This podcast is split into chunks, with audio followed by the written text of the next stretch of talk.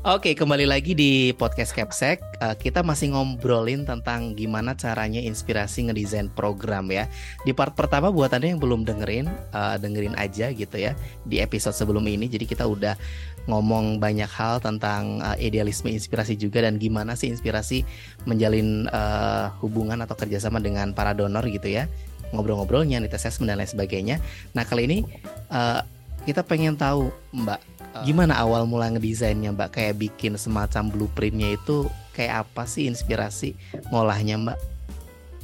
Ya, kalau uh, itu kan ke bagaimananya yeah, iya. gitu yeah. ya. Nah, hmm. ya jadi kalau ini uh, uh, kalau ada yang pernah baca gitu ya yang uh, Simon Sinek itu atau bisa hmm. juga di YouTube gitu. Kan kalau dia tuh kayak ada aduh lupa apa ya judulnya golden principle atau apa gitu jadi hmm. sebelum ke how gitu atau bagaimananya kita perlu pahamin dulu gitu why-nya atau mengapanya hmm. jadi kan urutannya itu why-nya dulu baru okay. how-nya bagaimana baru ke what-nya jadi apa aja yang mesti dilakuin gitu cuma mesti jelas dulu nih why-nya nah hmm. why-nya sebenarnya udah ada di part pertama tadi ya di mana yeah. kita memetakan kebutuhan, kemampuan, konteks, daerah hmm. segala macam. Nanti dari situ hmm. kan kita udah ketemu gitu ya. Oh, ternyata masalahnya itu tuh terkait uh, apa? Misalkan di apa? si kepala sekolahnya itu tuh emang gak ada emang sebelumnya gitu banyak yang belum menjalani diklat uh, kepala sekolah pendidikan dan latihan kepala sebelum menjadi kepala sekolah calon kepala sekolah itu ya hmm, gitu. Hmm. Oh berarti kan wajar aja tuh kayak misalkan si kepala sekolah ini nggak uh, belum mampu memimpin uh, secara efektif gitu karena hmm. mereka sendiri kayak bekalnya gitu belum kurang ya uh, banyak uh, uh, bekalnya kurang Belanya. gitu jadi kan kita udah ketemu ya oh ternyata hmm. masalahnya itu bukan karena mereka nggak mau kayak oh yeah. mereka semangat banget gitu cuma mereka itu memang belum mampu gitu hmm. Hmm. kan ketemu udah ketemu gitu ya oh ternyata masalahnya itu gitu hmm. nah dari situ kan nanti uh, kita tahu kita tadi yang pertama setelah kita oh why-nya ternyata ketemu kayak gini gitu kita kan ke layar kedua tuh kita yeah. ngelihat konteksnya apa sih yeah. yang menyebabkan si kepala sekolah kepala sekolah tadi tuh nggak ada uh, apa nggak menjalani diklat nggak ada diklatnya mm -hmm. terus kenapa nggak mm -hmm. ada inisiatif segala macam gitu oh ternyata karena apa itu kan kita jadi tahu ya konteksnya di mm. daerah itu tuh seperti apa mm. jadi mm. nanti setelah itu tuh baru kita tentukan tuh kayak oke okay, kita tujuannya tuh mau apa sih gitu mm. nah ini tujuannya yang mesti clear dulu gitu nah tujuannya mm. ini walaupun ya kita itu programnya di kepala di tingkat kepala sekolah gitu hmm, cuma yang hmm. harus kita tentuin tujuannya itu nggak bisa berhenti di kepala sekolah karena tadi eh, kepala sekolah itu semua yang dilakukan kepala sekolah akan berhasil jika terjadi perubahan yang lebih baik di tingkat hmm. gurunya dan juga siswanya ya kan ya hmm, okay. nah hmm. jadi uh, kalau mau kita menentuin tujuan, tujuannya harus mulainya bukan dari kepala sekolahnya dulu, tapi dari misalkan kita ngomongin ini ya, uh, ini ya kemampuan matematika anak gitu ya, yang paling yeah. gampang lah gitu kan hmm, anak uh, ntar mesti bisa ngitung, mesti paham kayak ini tuh apa bilangan-bilangan di sekitarnya hmm, gitu hmm. misalkan. Hmm. Jadi di anak dulu kita tentuin, oh pengennya hmm. anaknya misalkan bisa uh, ini bisa perkalian gitu di yeah. bawah 100 dengan lancar gitu. Hmm. Oh udah ketemu kan ya di siswanya kita pengennya itu gitu. Nah berarti kan kita naik nih untuk bisa untuk anaknya bisa itu gitu berarti gurunya harus bisa apa gitu. Hmm, nah berarti kan gurunya oh gurunya berarti harus tahu dulu paham dulu nih apa sih yang dimaksud dengan perkalian di bawah 100 perkalian hmm. bilangan di bawah 100 gitu. Hmm. Terus dia juga harus eh, si guru juga harus tahu nih cara ngajarnya gimana perkalian yang benar gitu. Hmm. Jadi anaknya bisa. Nah ini kan harus jelas tuh. Jadi nanti hmm. tujuannya si gurunya tuh bisa apa. Hmm. Nah terus baru naik lagi ke kepala sekolahnya. Kepala sekolahnya harus ngapain nih gitu. Hmm. Berarti agar si uh, gurunya tadi bisa mereka paham perkalian hmm. tentang perkalian itu gimana sama mereka juga uh, cara nggak gimana memastikan si gurunya tuh ngajar perkalian dengan benar gitu. Jadi hmm. waktu kita menentukan tujuannya, tujuannya udah tiga tingkat tuh gitu. Hmm. Karena tahu ujung-ujungnya kan kita pengennya berdampak ke siswa gitu, nggak yang cuma berhenti di kepala sekolah. Itu hmm. uh, berarti kan yang ketiga ya, kan yeah. yang pertama tadi kita metain kebutuhan kemampuan, terus kita petain konteks di daerah, hmm. terus yang ketiga kita tentuin gitu. Kita sama uh, kita sepakatin gitu, oke berarti tujuannya mau apa. Hmm. Nah setelah itu kan lagi-lagi ya kita kan hidupnya masih di uh, bawah satu kebijakan gitu ya yeah, kak ya. Yeah, yeah. Jadi entah itu kebijakan nasional, kebijakan daerah. Jadi kan ya, yang keempat gitu uh, kita juga harus bisa gitu hmm. identifikasi relevansinya program gitu dengan kebijakan. Hmm. Baik itu kebijakan di daerah maupun di nasional gitu. Karena ujung-ujungnya gitu misalkan si ke, si uh, kebijakannya gitu misalkan kayak sekarang deh gitu. Oh, hmm. RPP-nya gitu kan sekarang diganti dengan modul ajar gitu ya, hmm. kayak. Ya. Hmm. Terus kita kita ngajarinya gitu misalkan nih training gurunya gurunya kalau ngajar nggak usah pakai RPP bu gitu karena sebenarnya yang pas ngajarnya kan gitu yeah. jadi selama mereka bisa ngajarnya benar eh, nggak uh, apa-apa gitu nggak hmm. punya RPP gitu nah itu kan berarti beda banget tuh sama kebijakan yeah. gitu. Iya. padahal kan mereka itu yang apa uh, mereka tuh diatur oleh kebijakan gitu. Jadi kita hmm. juga harus bisa menyesuaikan gitu. Hmm. Karena kita lagi-lagi gitu, semuanya kan uh, sekolah diaturnya sama ada kebijakannya gitu. Hmm. Jadi kita identifikasi tuh relevansinya. Jadi misalkan pas kita mau kerja bareng gitu, mereka juga tahu kayak oh ini tuh sejalan gitu dengan kebijakan. Jadi waktu kita kerja bareng komunitas, waktu kita hmm. kerja bareng pengawas atau dinas pendidikannya kayak mereka juga tahu oh program ini mendukung kebijakan mereka dari segi ABC gitu. Jadi kan hmm. kan lebih gampang tuh kerja barengnya. Gitu. Itu terus uh, itu tadi udah yang keberapa ya kak ya? Empat uh, kak. Terus lupa keempat. keempat nah ya. yang kelima, uh -uh. oke, okay, yang nah yang kelima setelah kita tahu nih oh relevansinya kayak gini segala macam gitu ya. Terus hmm. sebenarnya kan kalau bahasa kerennya itu kan dari nothing new under the sun ya kayak nggak ada yang baru gitu di dunia fana ini yeah, gitu yeah.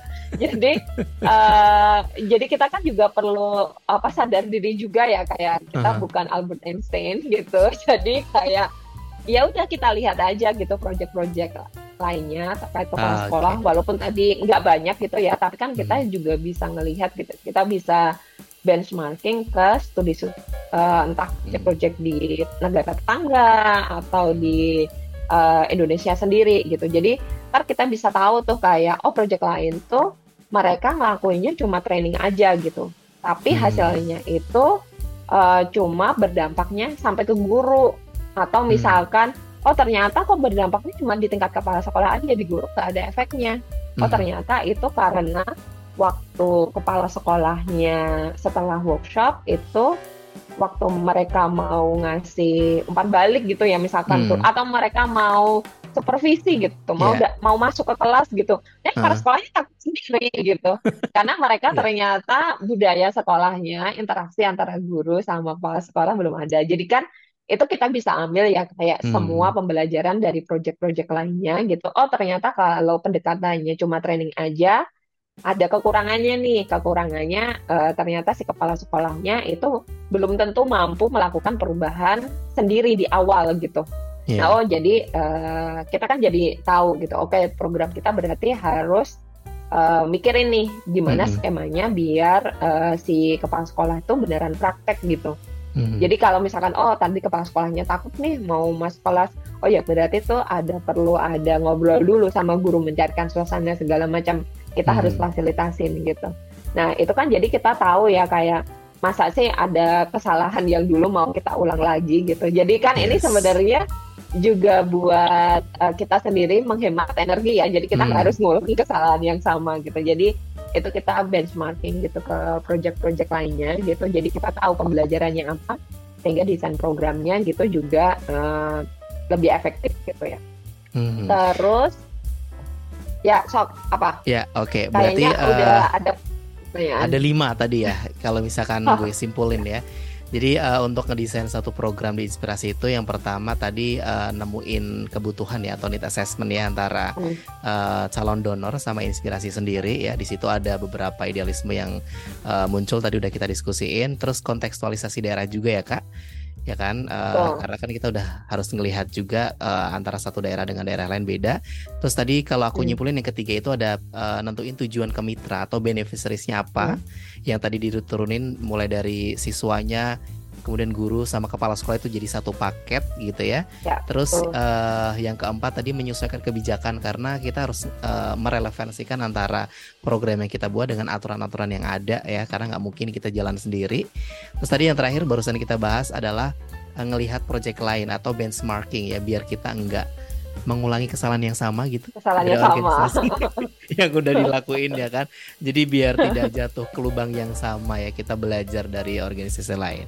Oke, setelah itu ada lagi proses lain yang kita buat atau dilalui. Habis itu tuh baru uh, kita kan udah tahu tujuannya, terus kita hmm. udah tahu kayak orang fansinya, konteksnya kayak apa. Nah, yeah. kalau ini tuh kayak uh, nanti juga bisa di ini ya secara lebih lengkap gitu. Hmm. Namanya kan ada uh, backward design itu kak. Ah, Jadi okay. setelah kita tahu tujuannya, kita tentuin dulu nih evaluasi keberhasilannya itu gimana gitu. Hmm, nah jadi uh, kita tuh mau tahu berhasil apa enggaknya gitu uh, gimana gitu karena hmm. kan jadi lucu juga gitu ya kayak kita ngelakuin yeah. program gitu cuma keberhasilannya berhasil gitu tapi kayak dari mana gitu? Nggak tapi ya. dari mana klaimnya gitu. apa jadi kita, ya ya betul. Hmm. buktinya apa? Jadi kita juga perlu tahu gitu.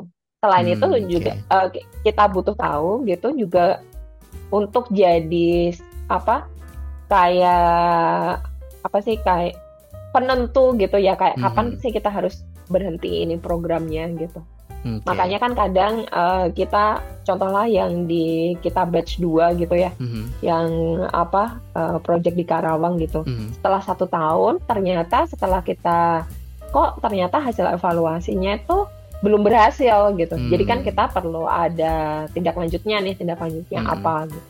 Nah, jadi uh, kita kan perlu tahu. Nah, setelah kita desain tuh kayak evaluasi keberhasilannya gimana, apa aja. Itu tentu saja berdasarkan tujuan yang udah ditetapin di awal ya. Nah, baru kita desain programnya. Jadi tadi hmm. mulainya, oke okay, tujuannya kayak gini, nanti kita akan nge-evaluasinya kayak gini, konteksnya kayak apa, relevansinya gimana, pembelajaran dari program-program lainnya kayak apa, itu baru di ramu gitu. Jadi hmm. satu desain program. Wow, luar biasa. Ini yang kadang-kadang kayaknya terlupa ya tadi ya. Bagaimana kita ngukur program kita berhasil atau enggak itu jangan dilupain Betul. berarti ya itu harus selalu Betul. ada di akhir. Makanya kalau bahasanya Betul. ada apa? Ada end line gitu ya kak ya. Ada ada baseline di awal, tengah-tengah. Ada terus baseline di awal. Dari ada end line. Oke, okay, uh, udah lengkap banget dan gak kerasa udah mau habis nih kak waktunya kak. Mungkin lo bisa kasih satu uh, closing statement gitu ya uh, untuk mendesain sebuah program uh, yang berbasis kepala sekolah. Yang harus diperhatikan hmm. adalah coba diisi titik-titiknya. uh, paling gampang ya berarti uh. kan satu uh, tujuannya gitu ya. Okay. Tujuannya tuh apa gitu. Terus hmm. setelah tujuannya berarti relevansinya apa. Hmm. Terus yang uh, terakhir berarti uh, tadi evaluasinya gimana? Oke. Okay. Sip. Ini uh, untuk merangkum dua episode kita nih uh, para pendengar ya. Jadi untuk pendesain suatu program itu tiga hal yang perlu kita lakuin. Yang pertama tujuan, relevansi, dan evaluasi di akhirnya ya. Oke. Okay. Ya.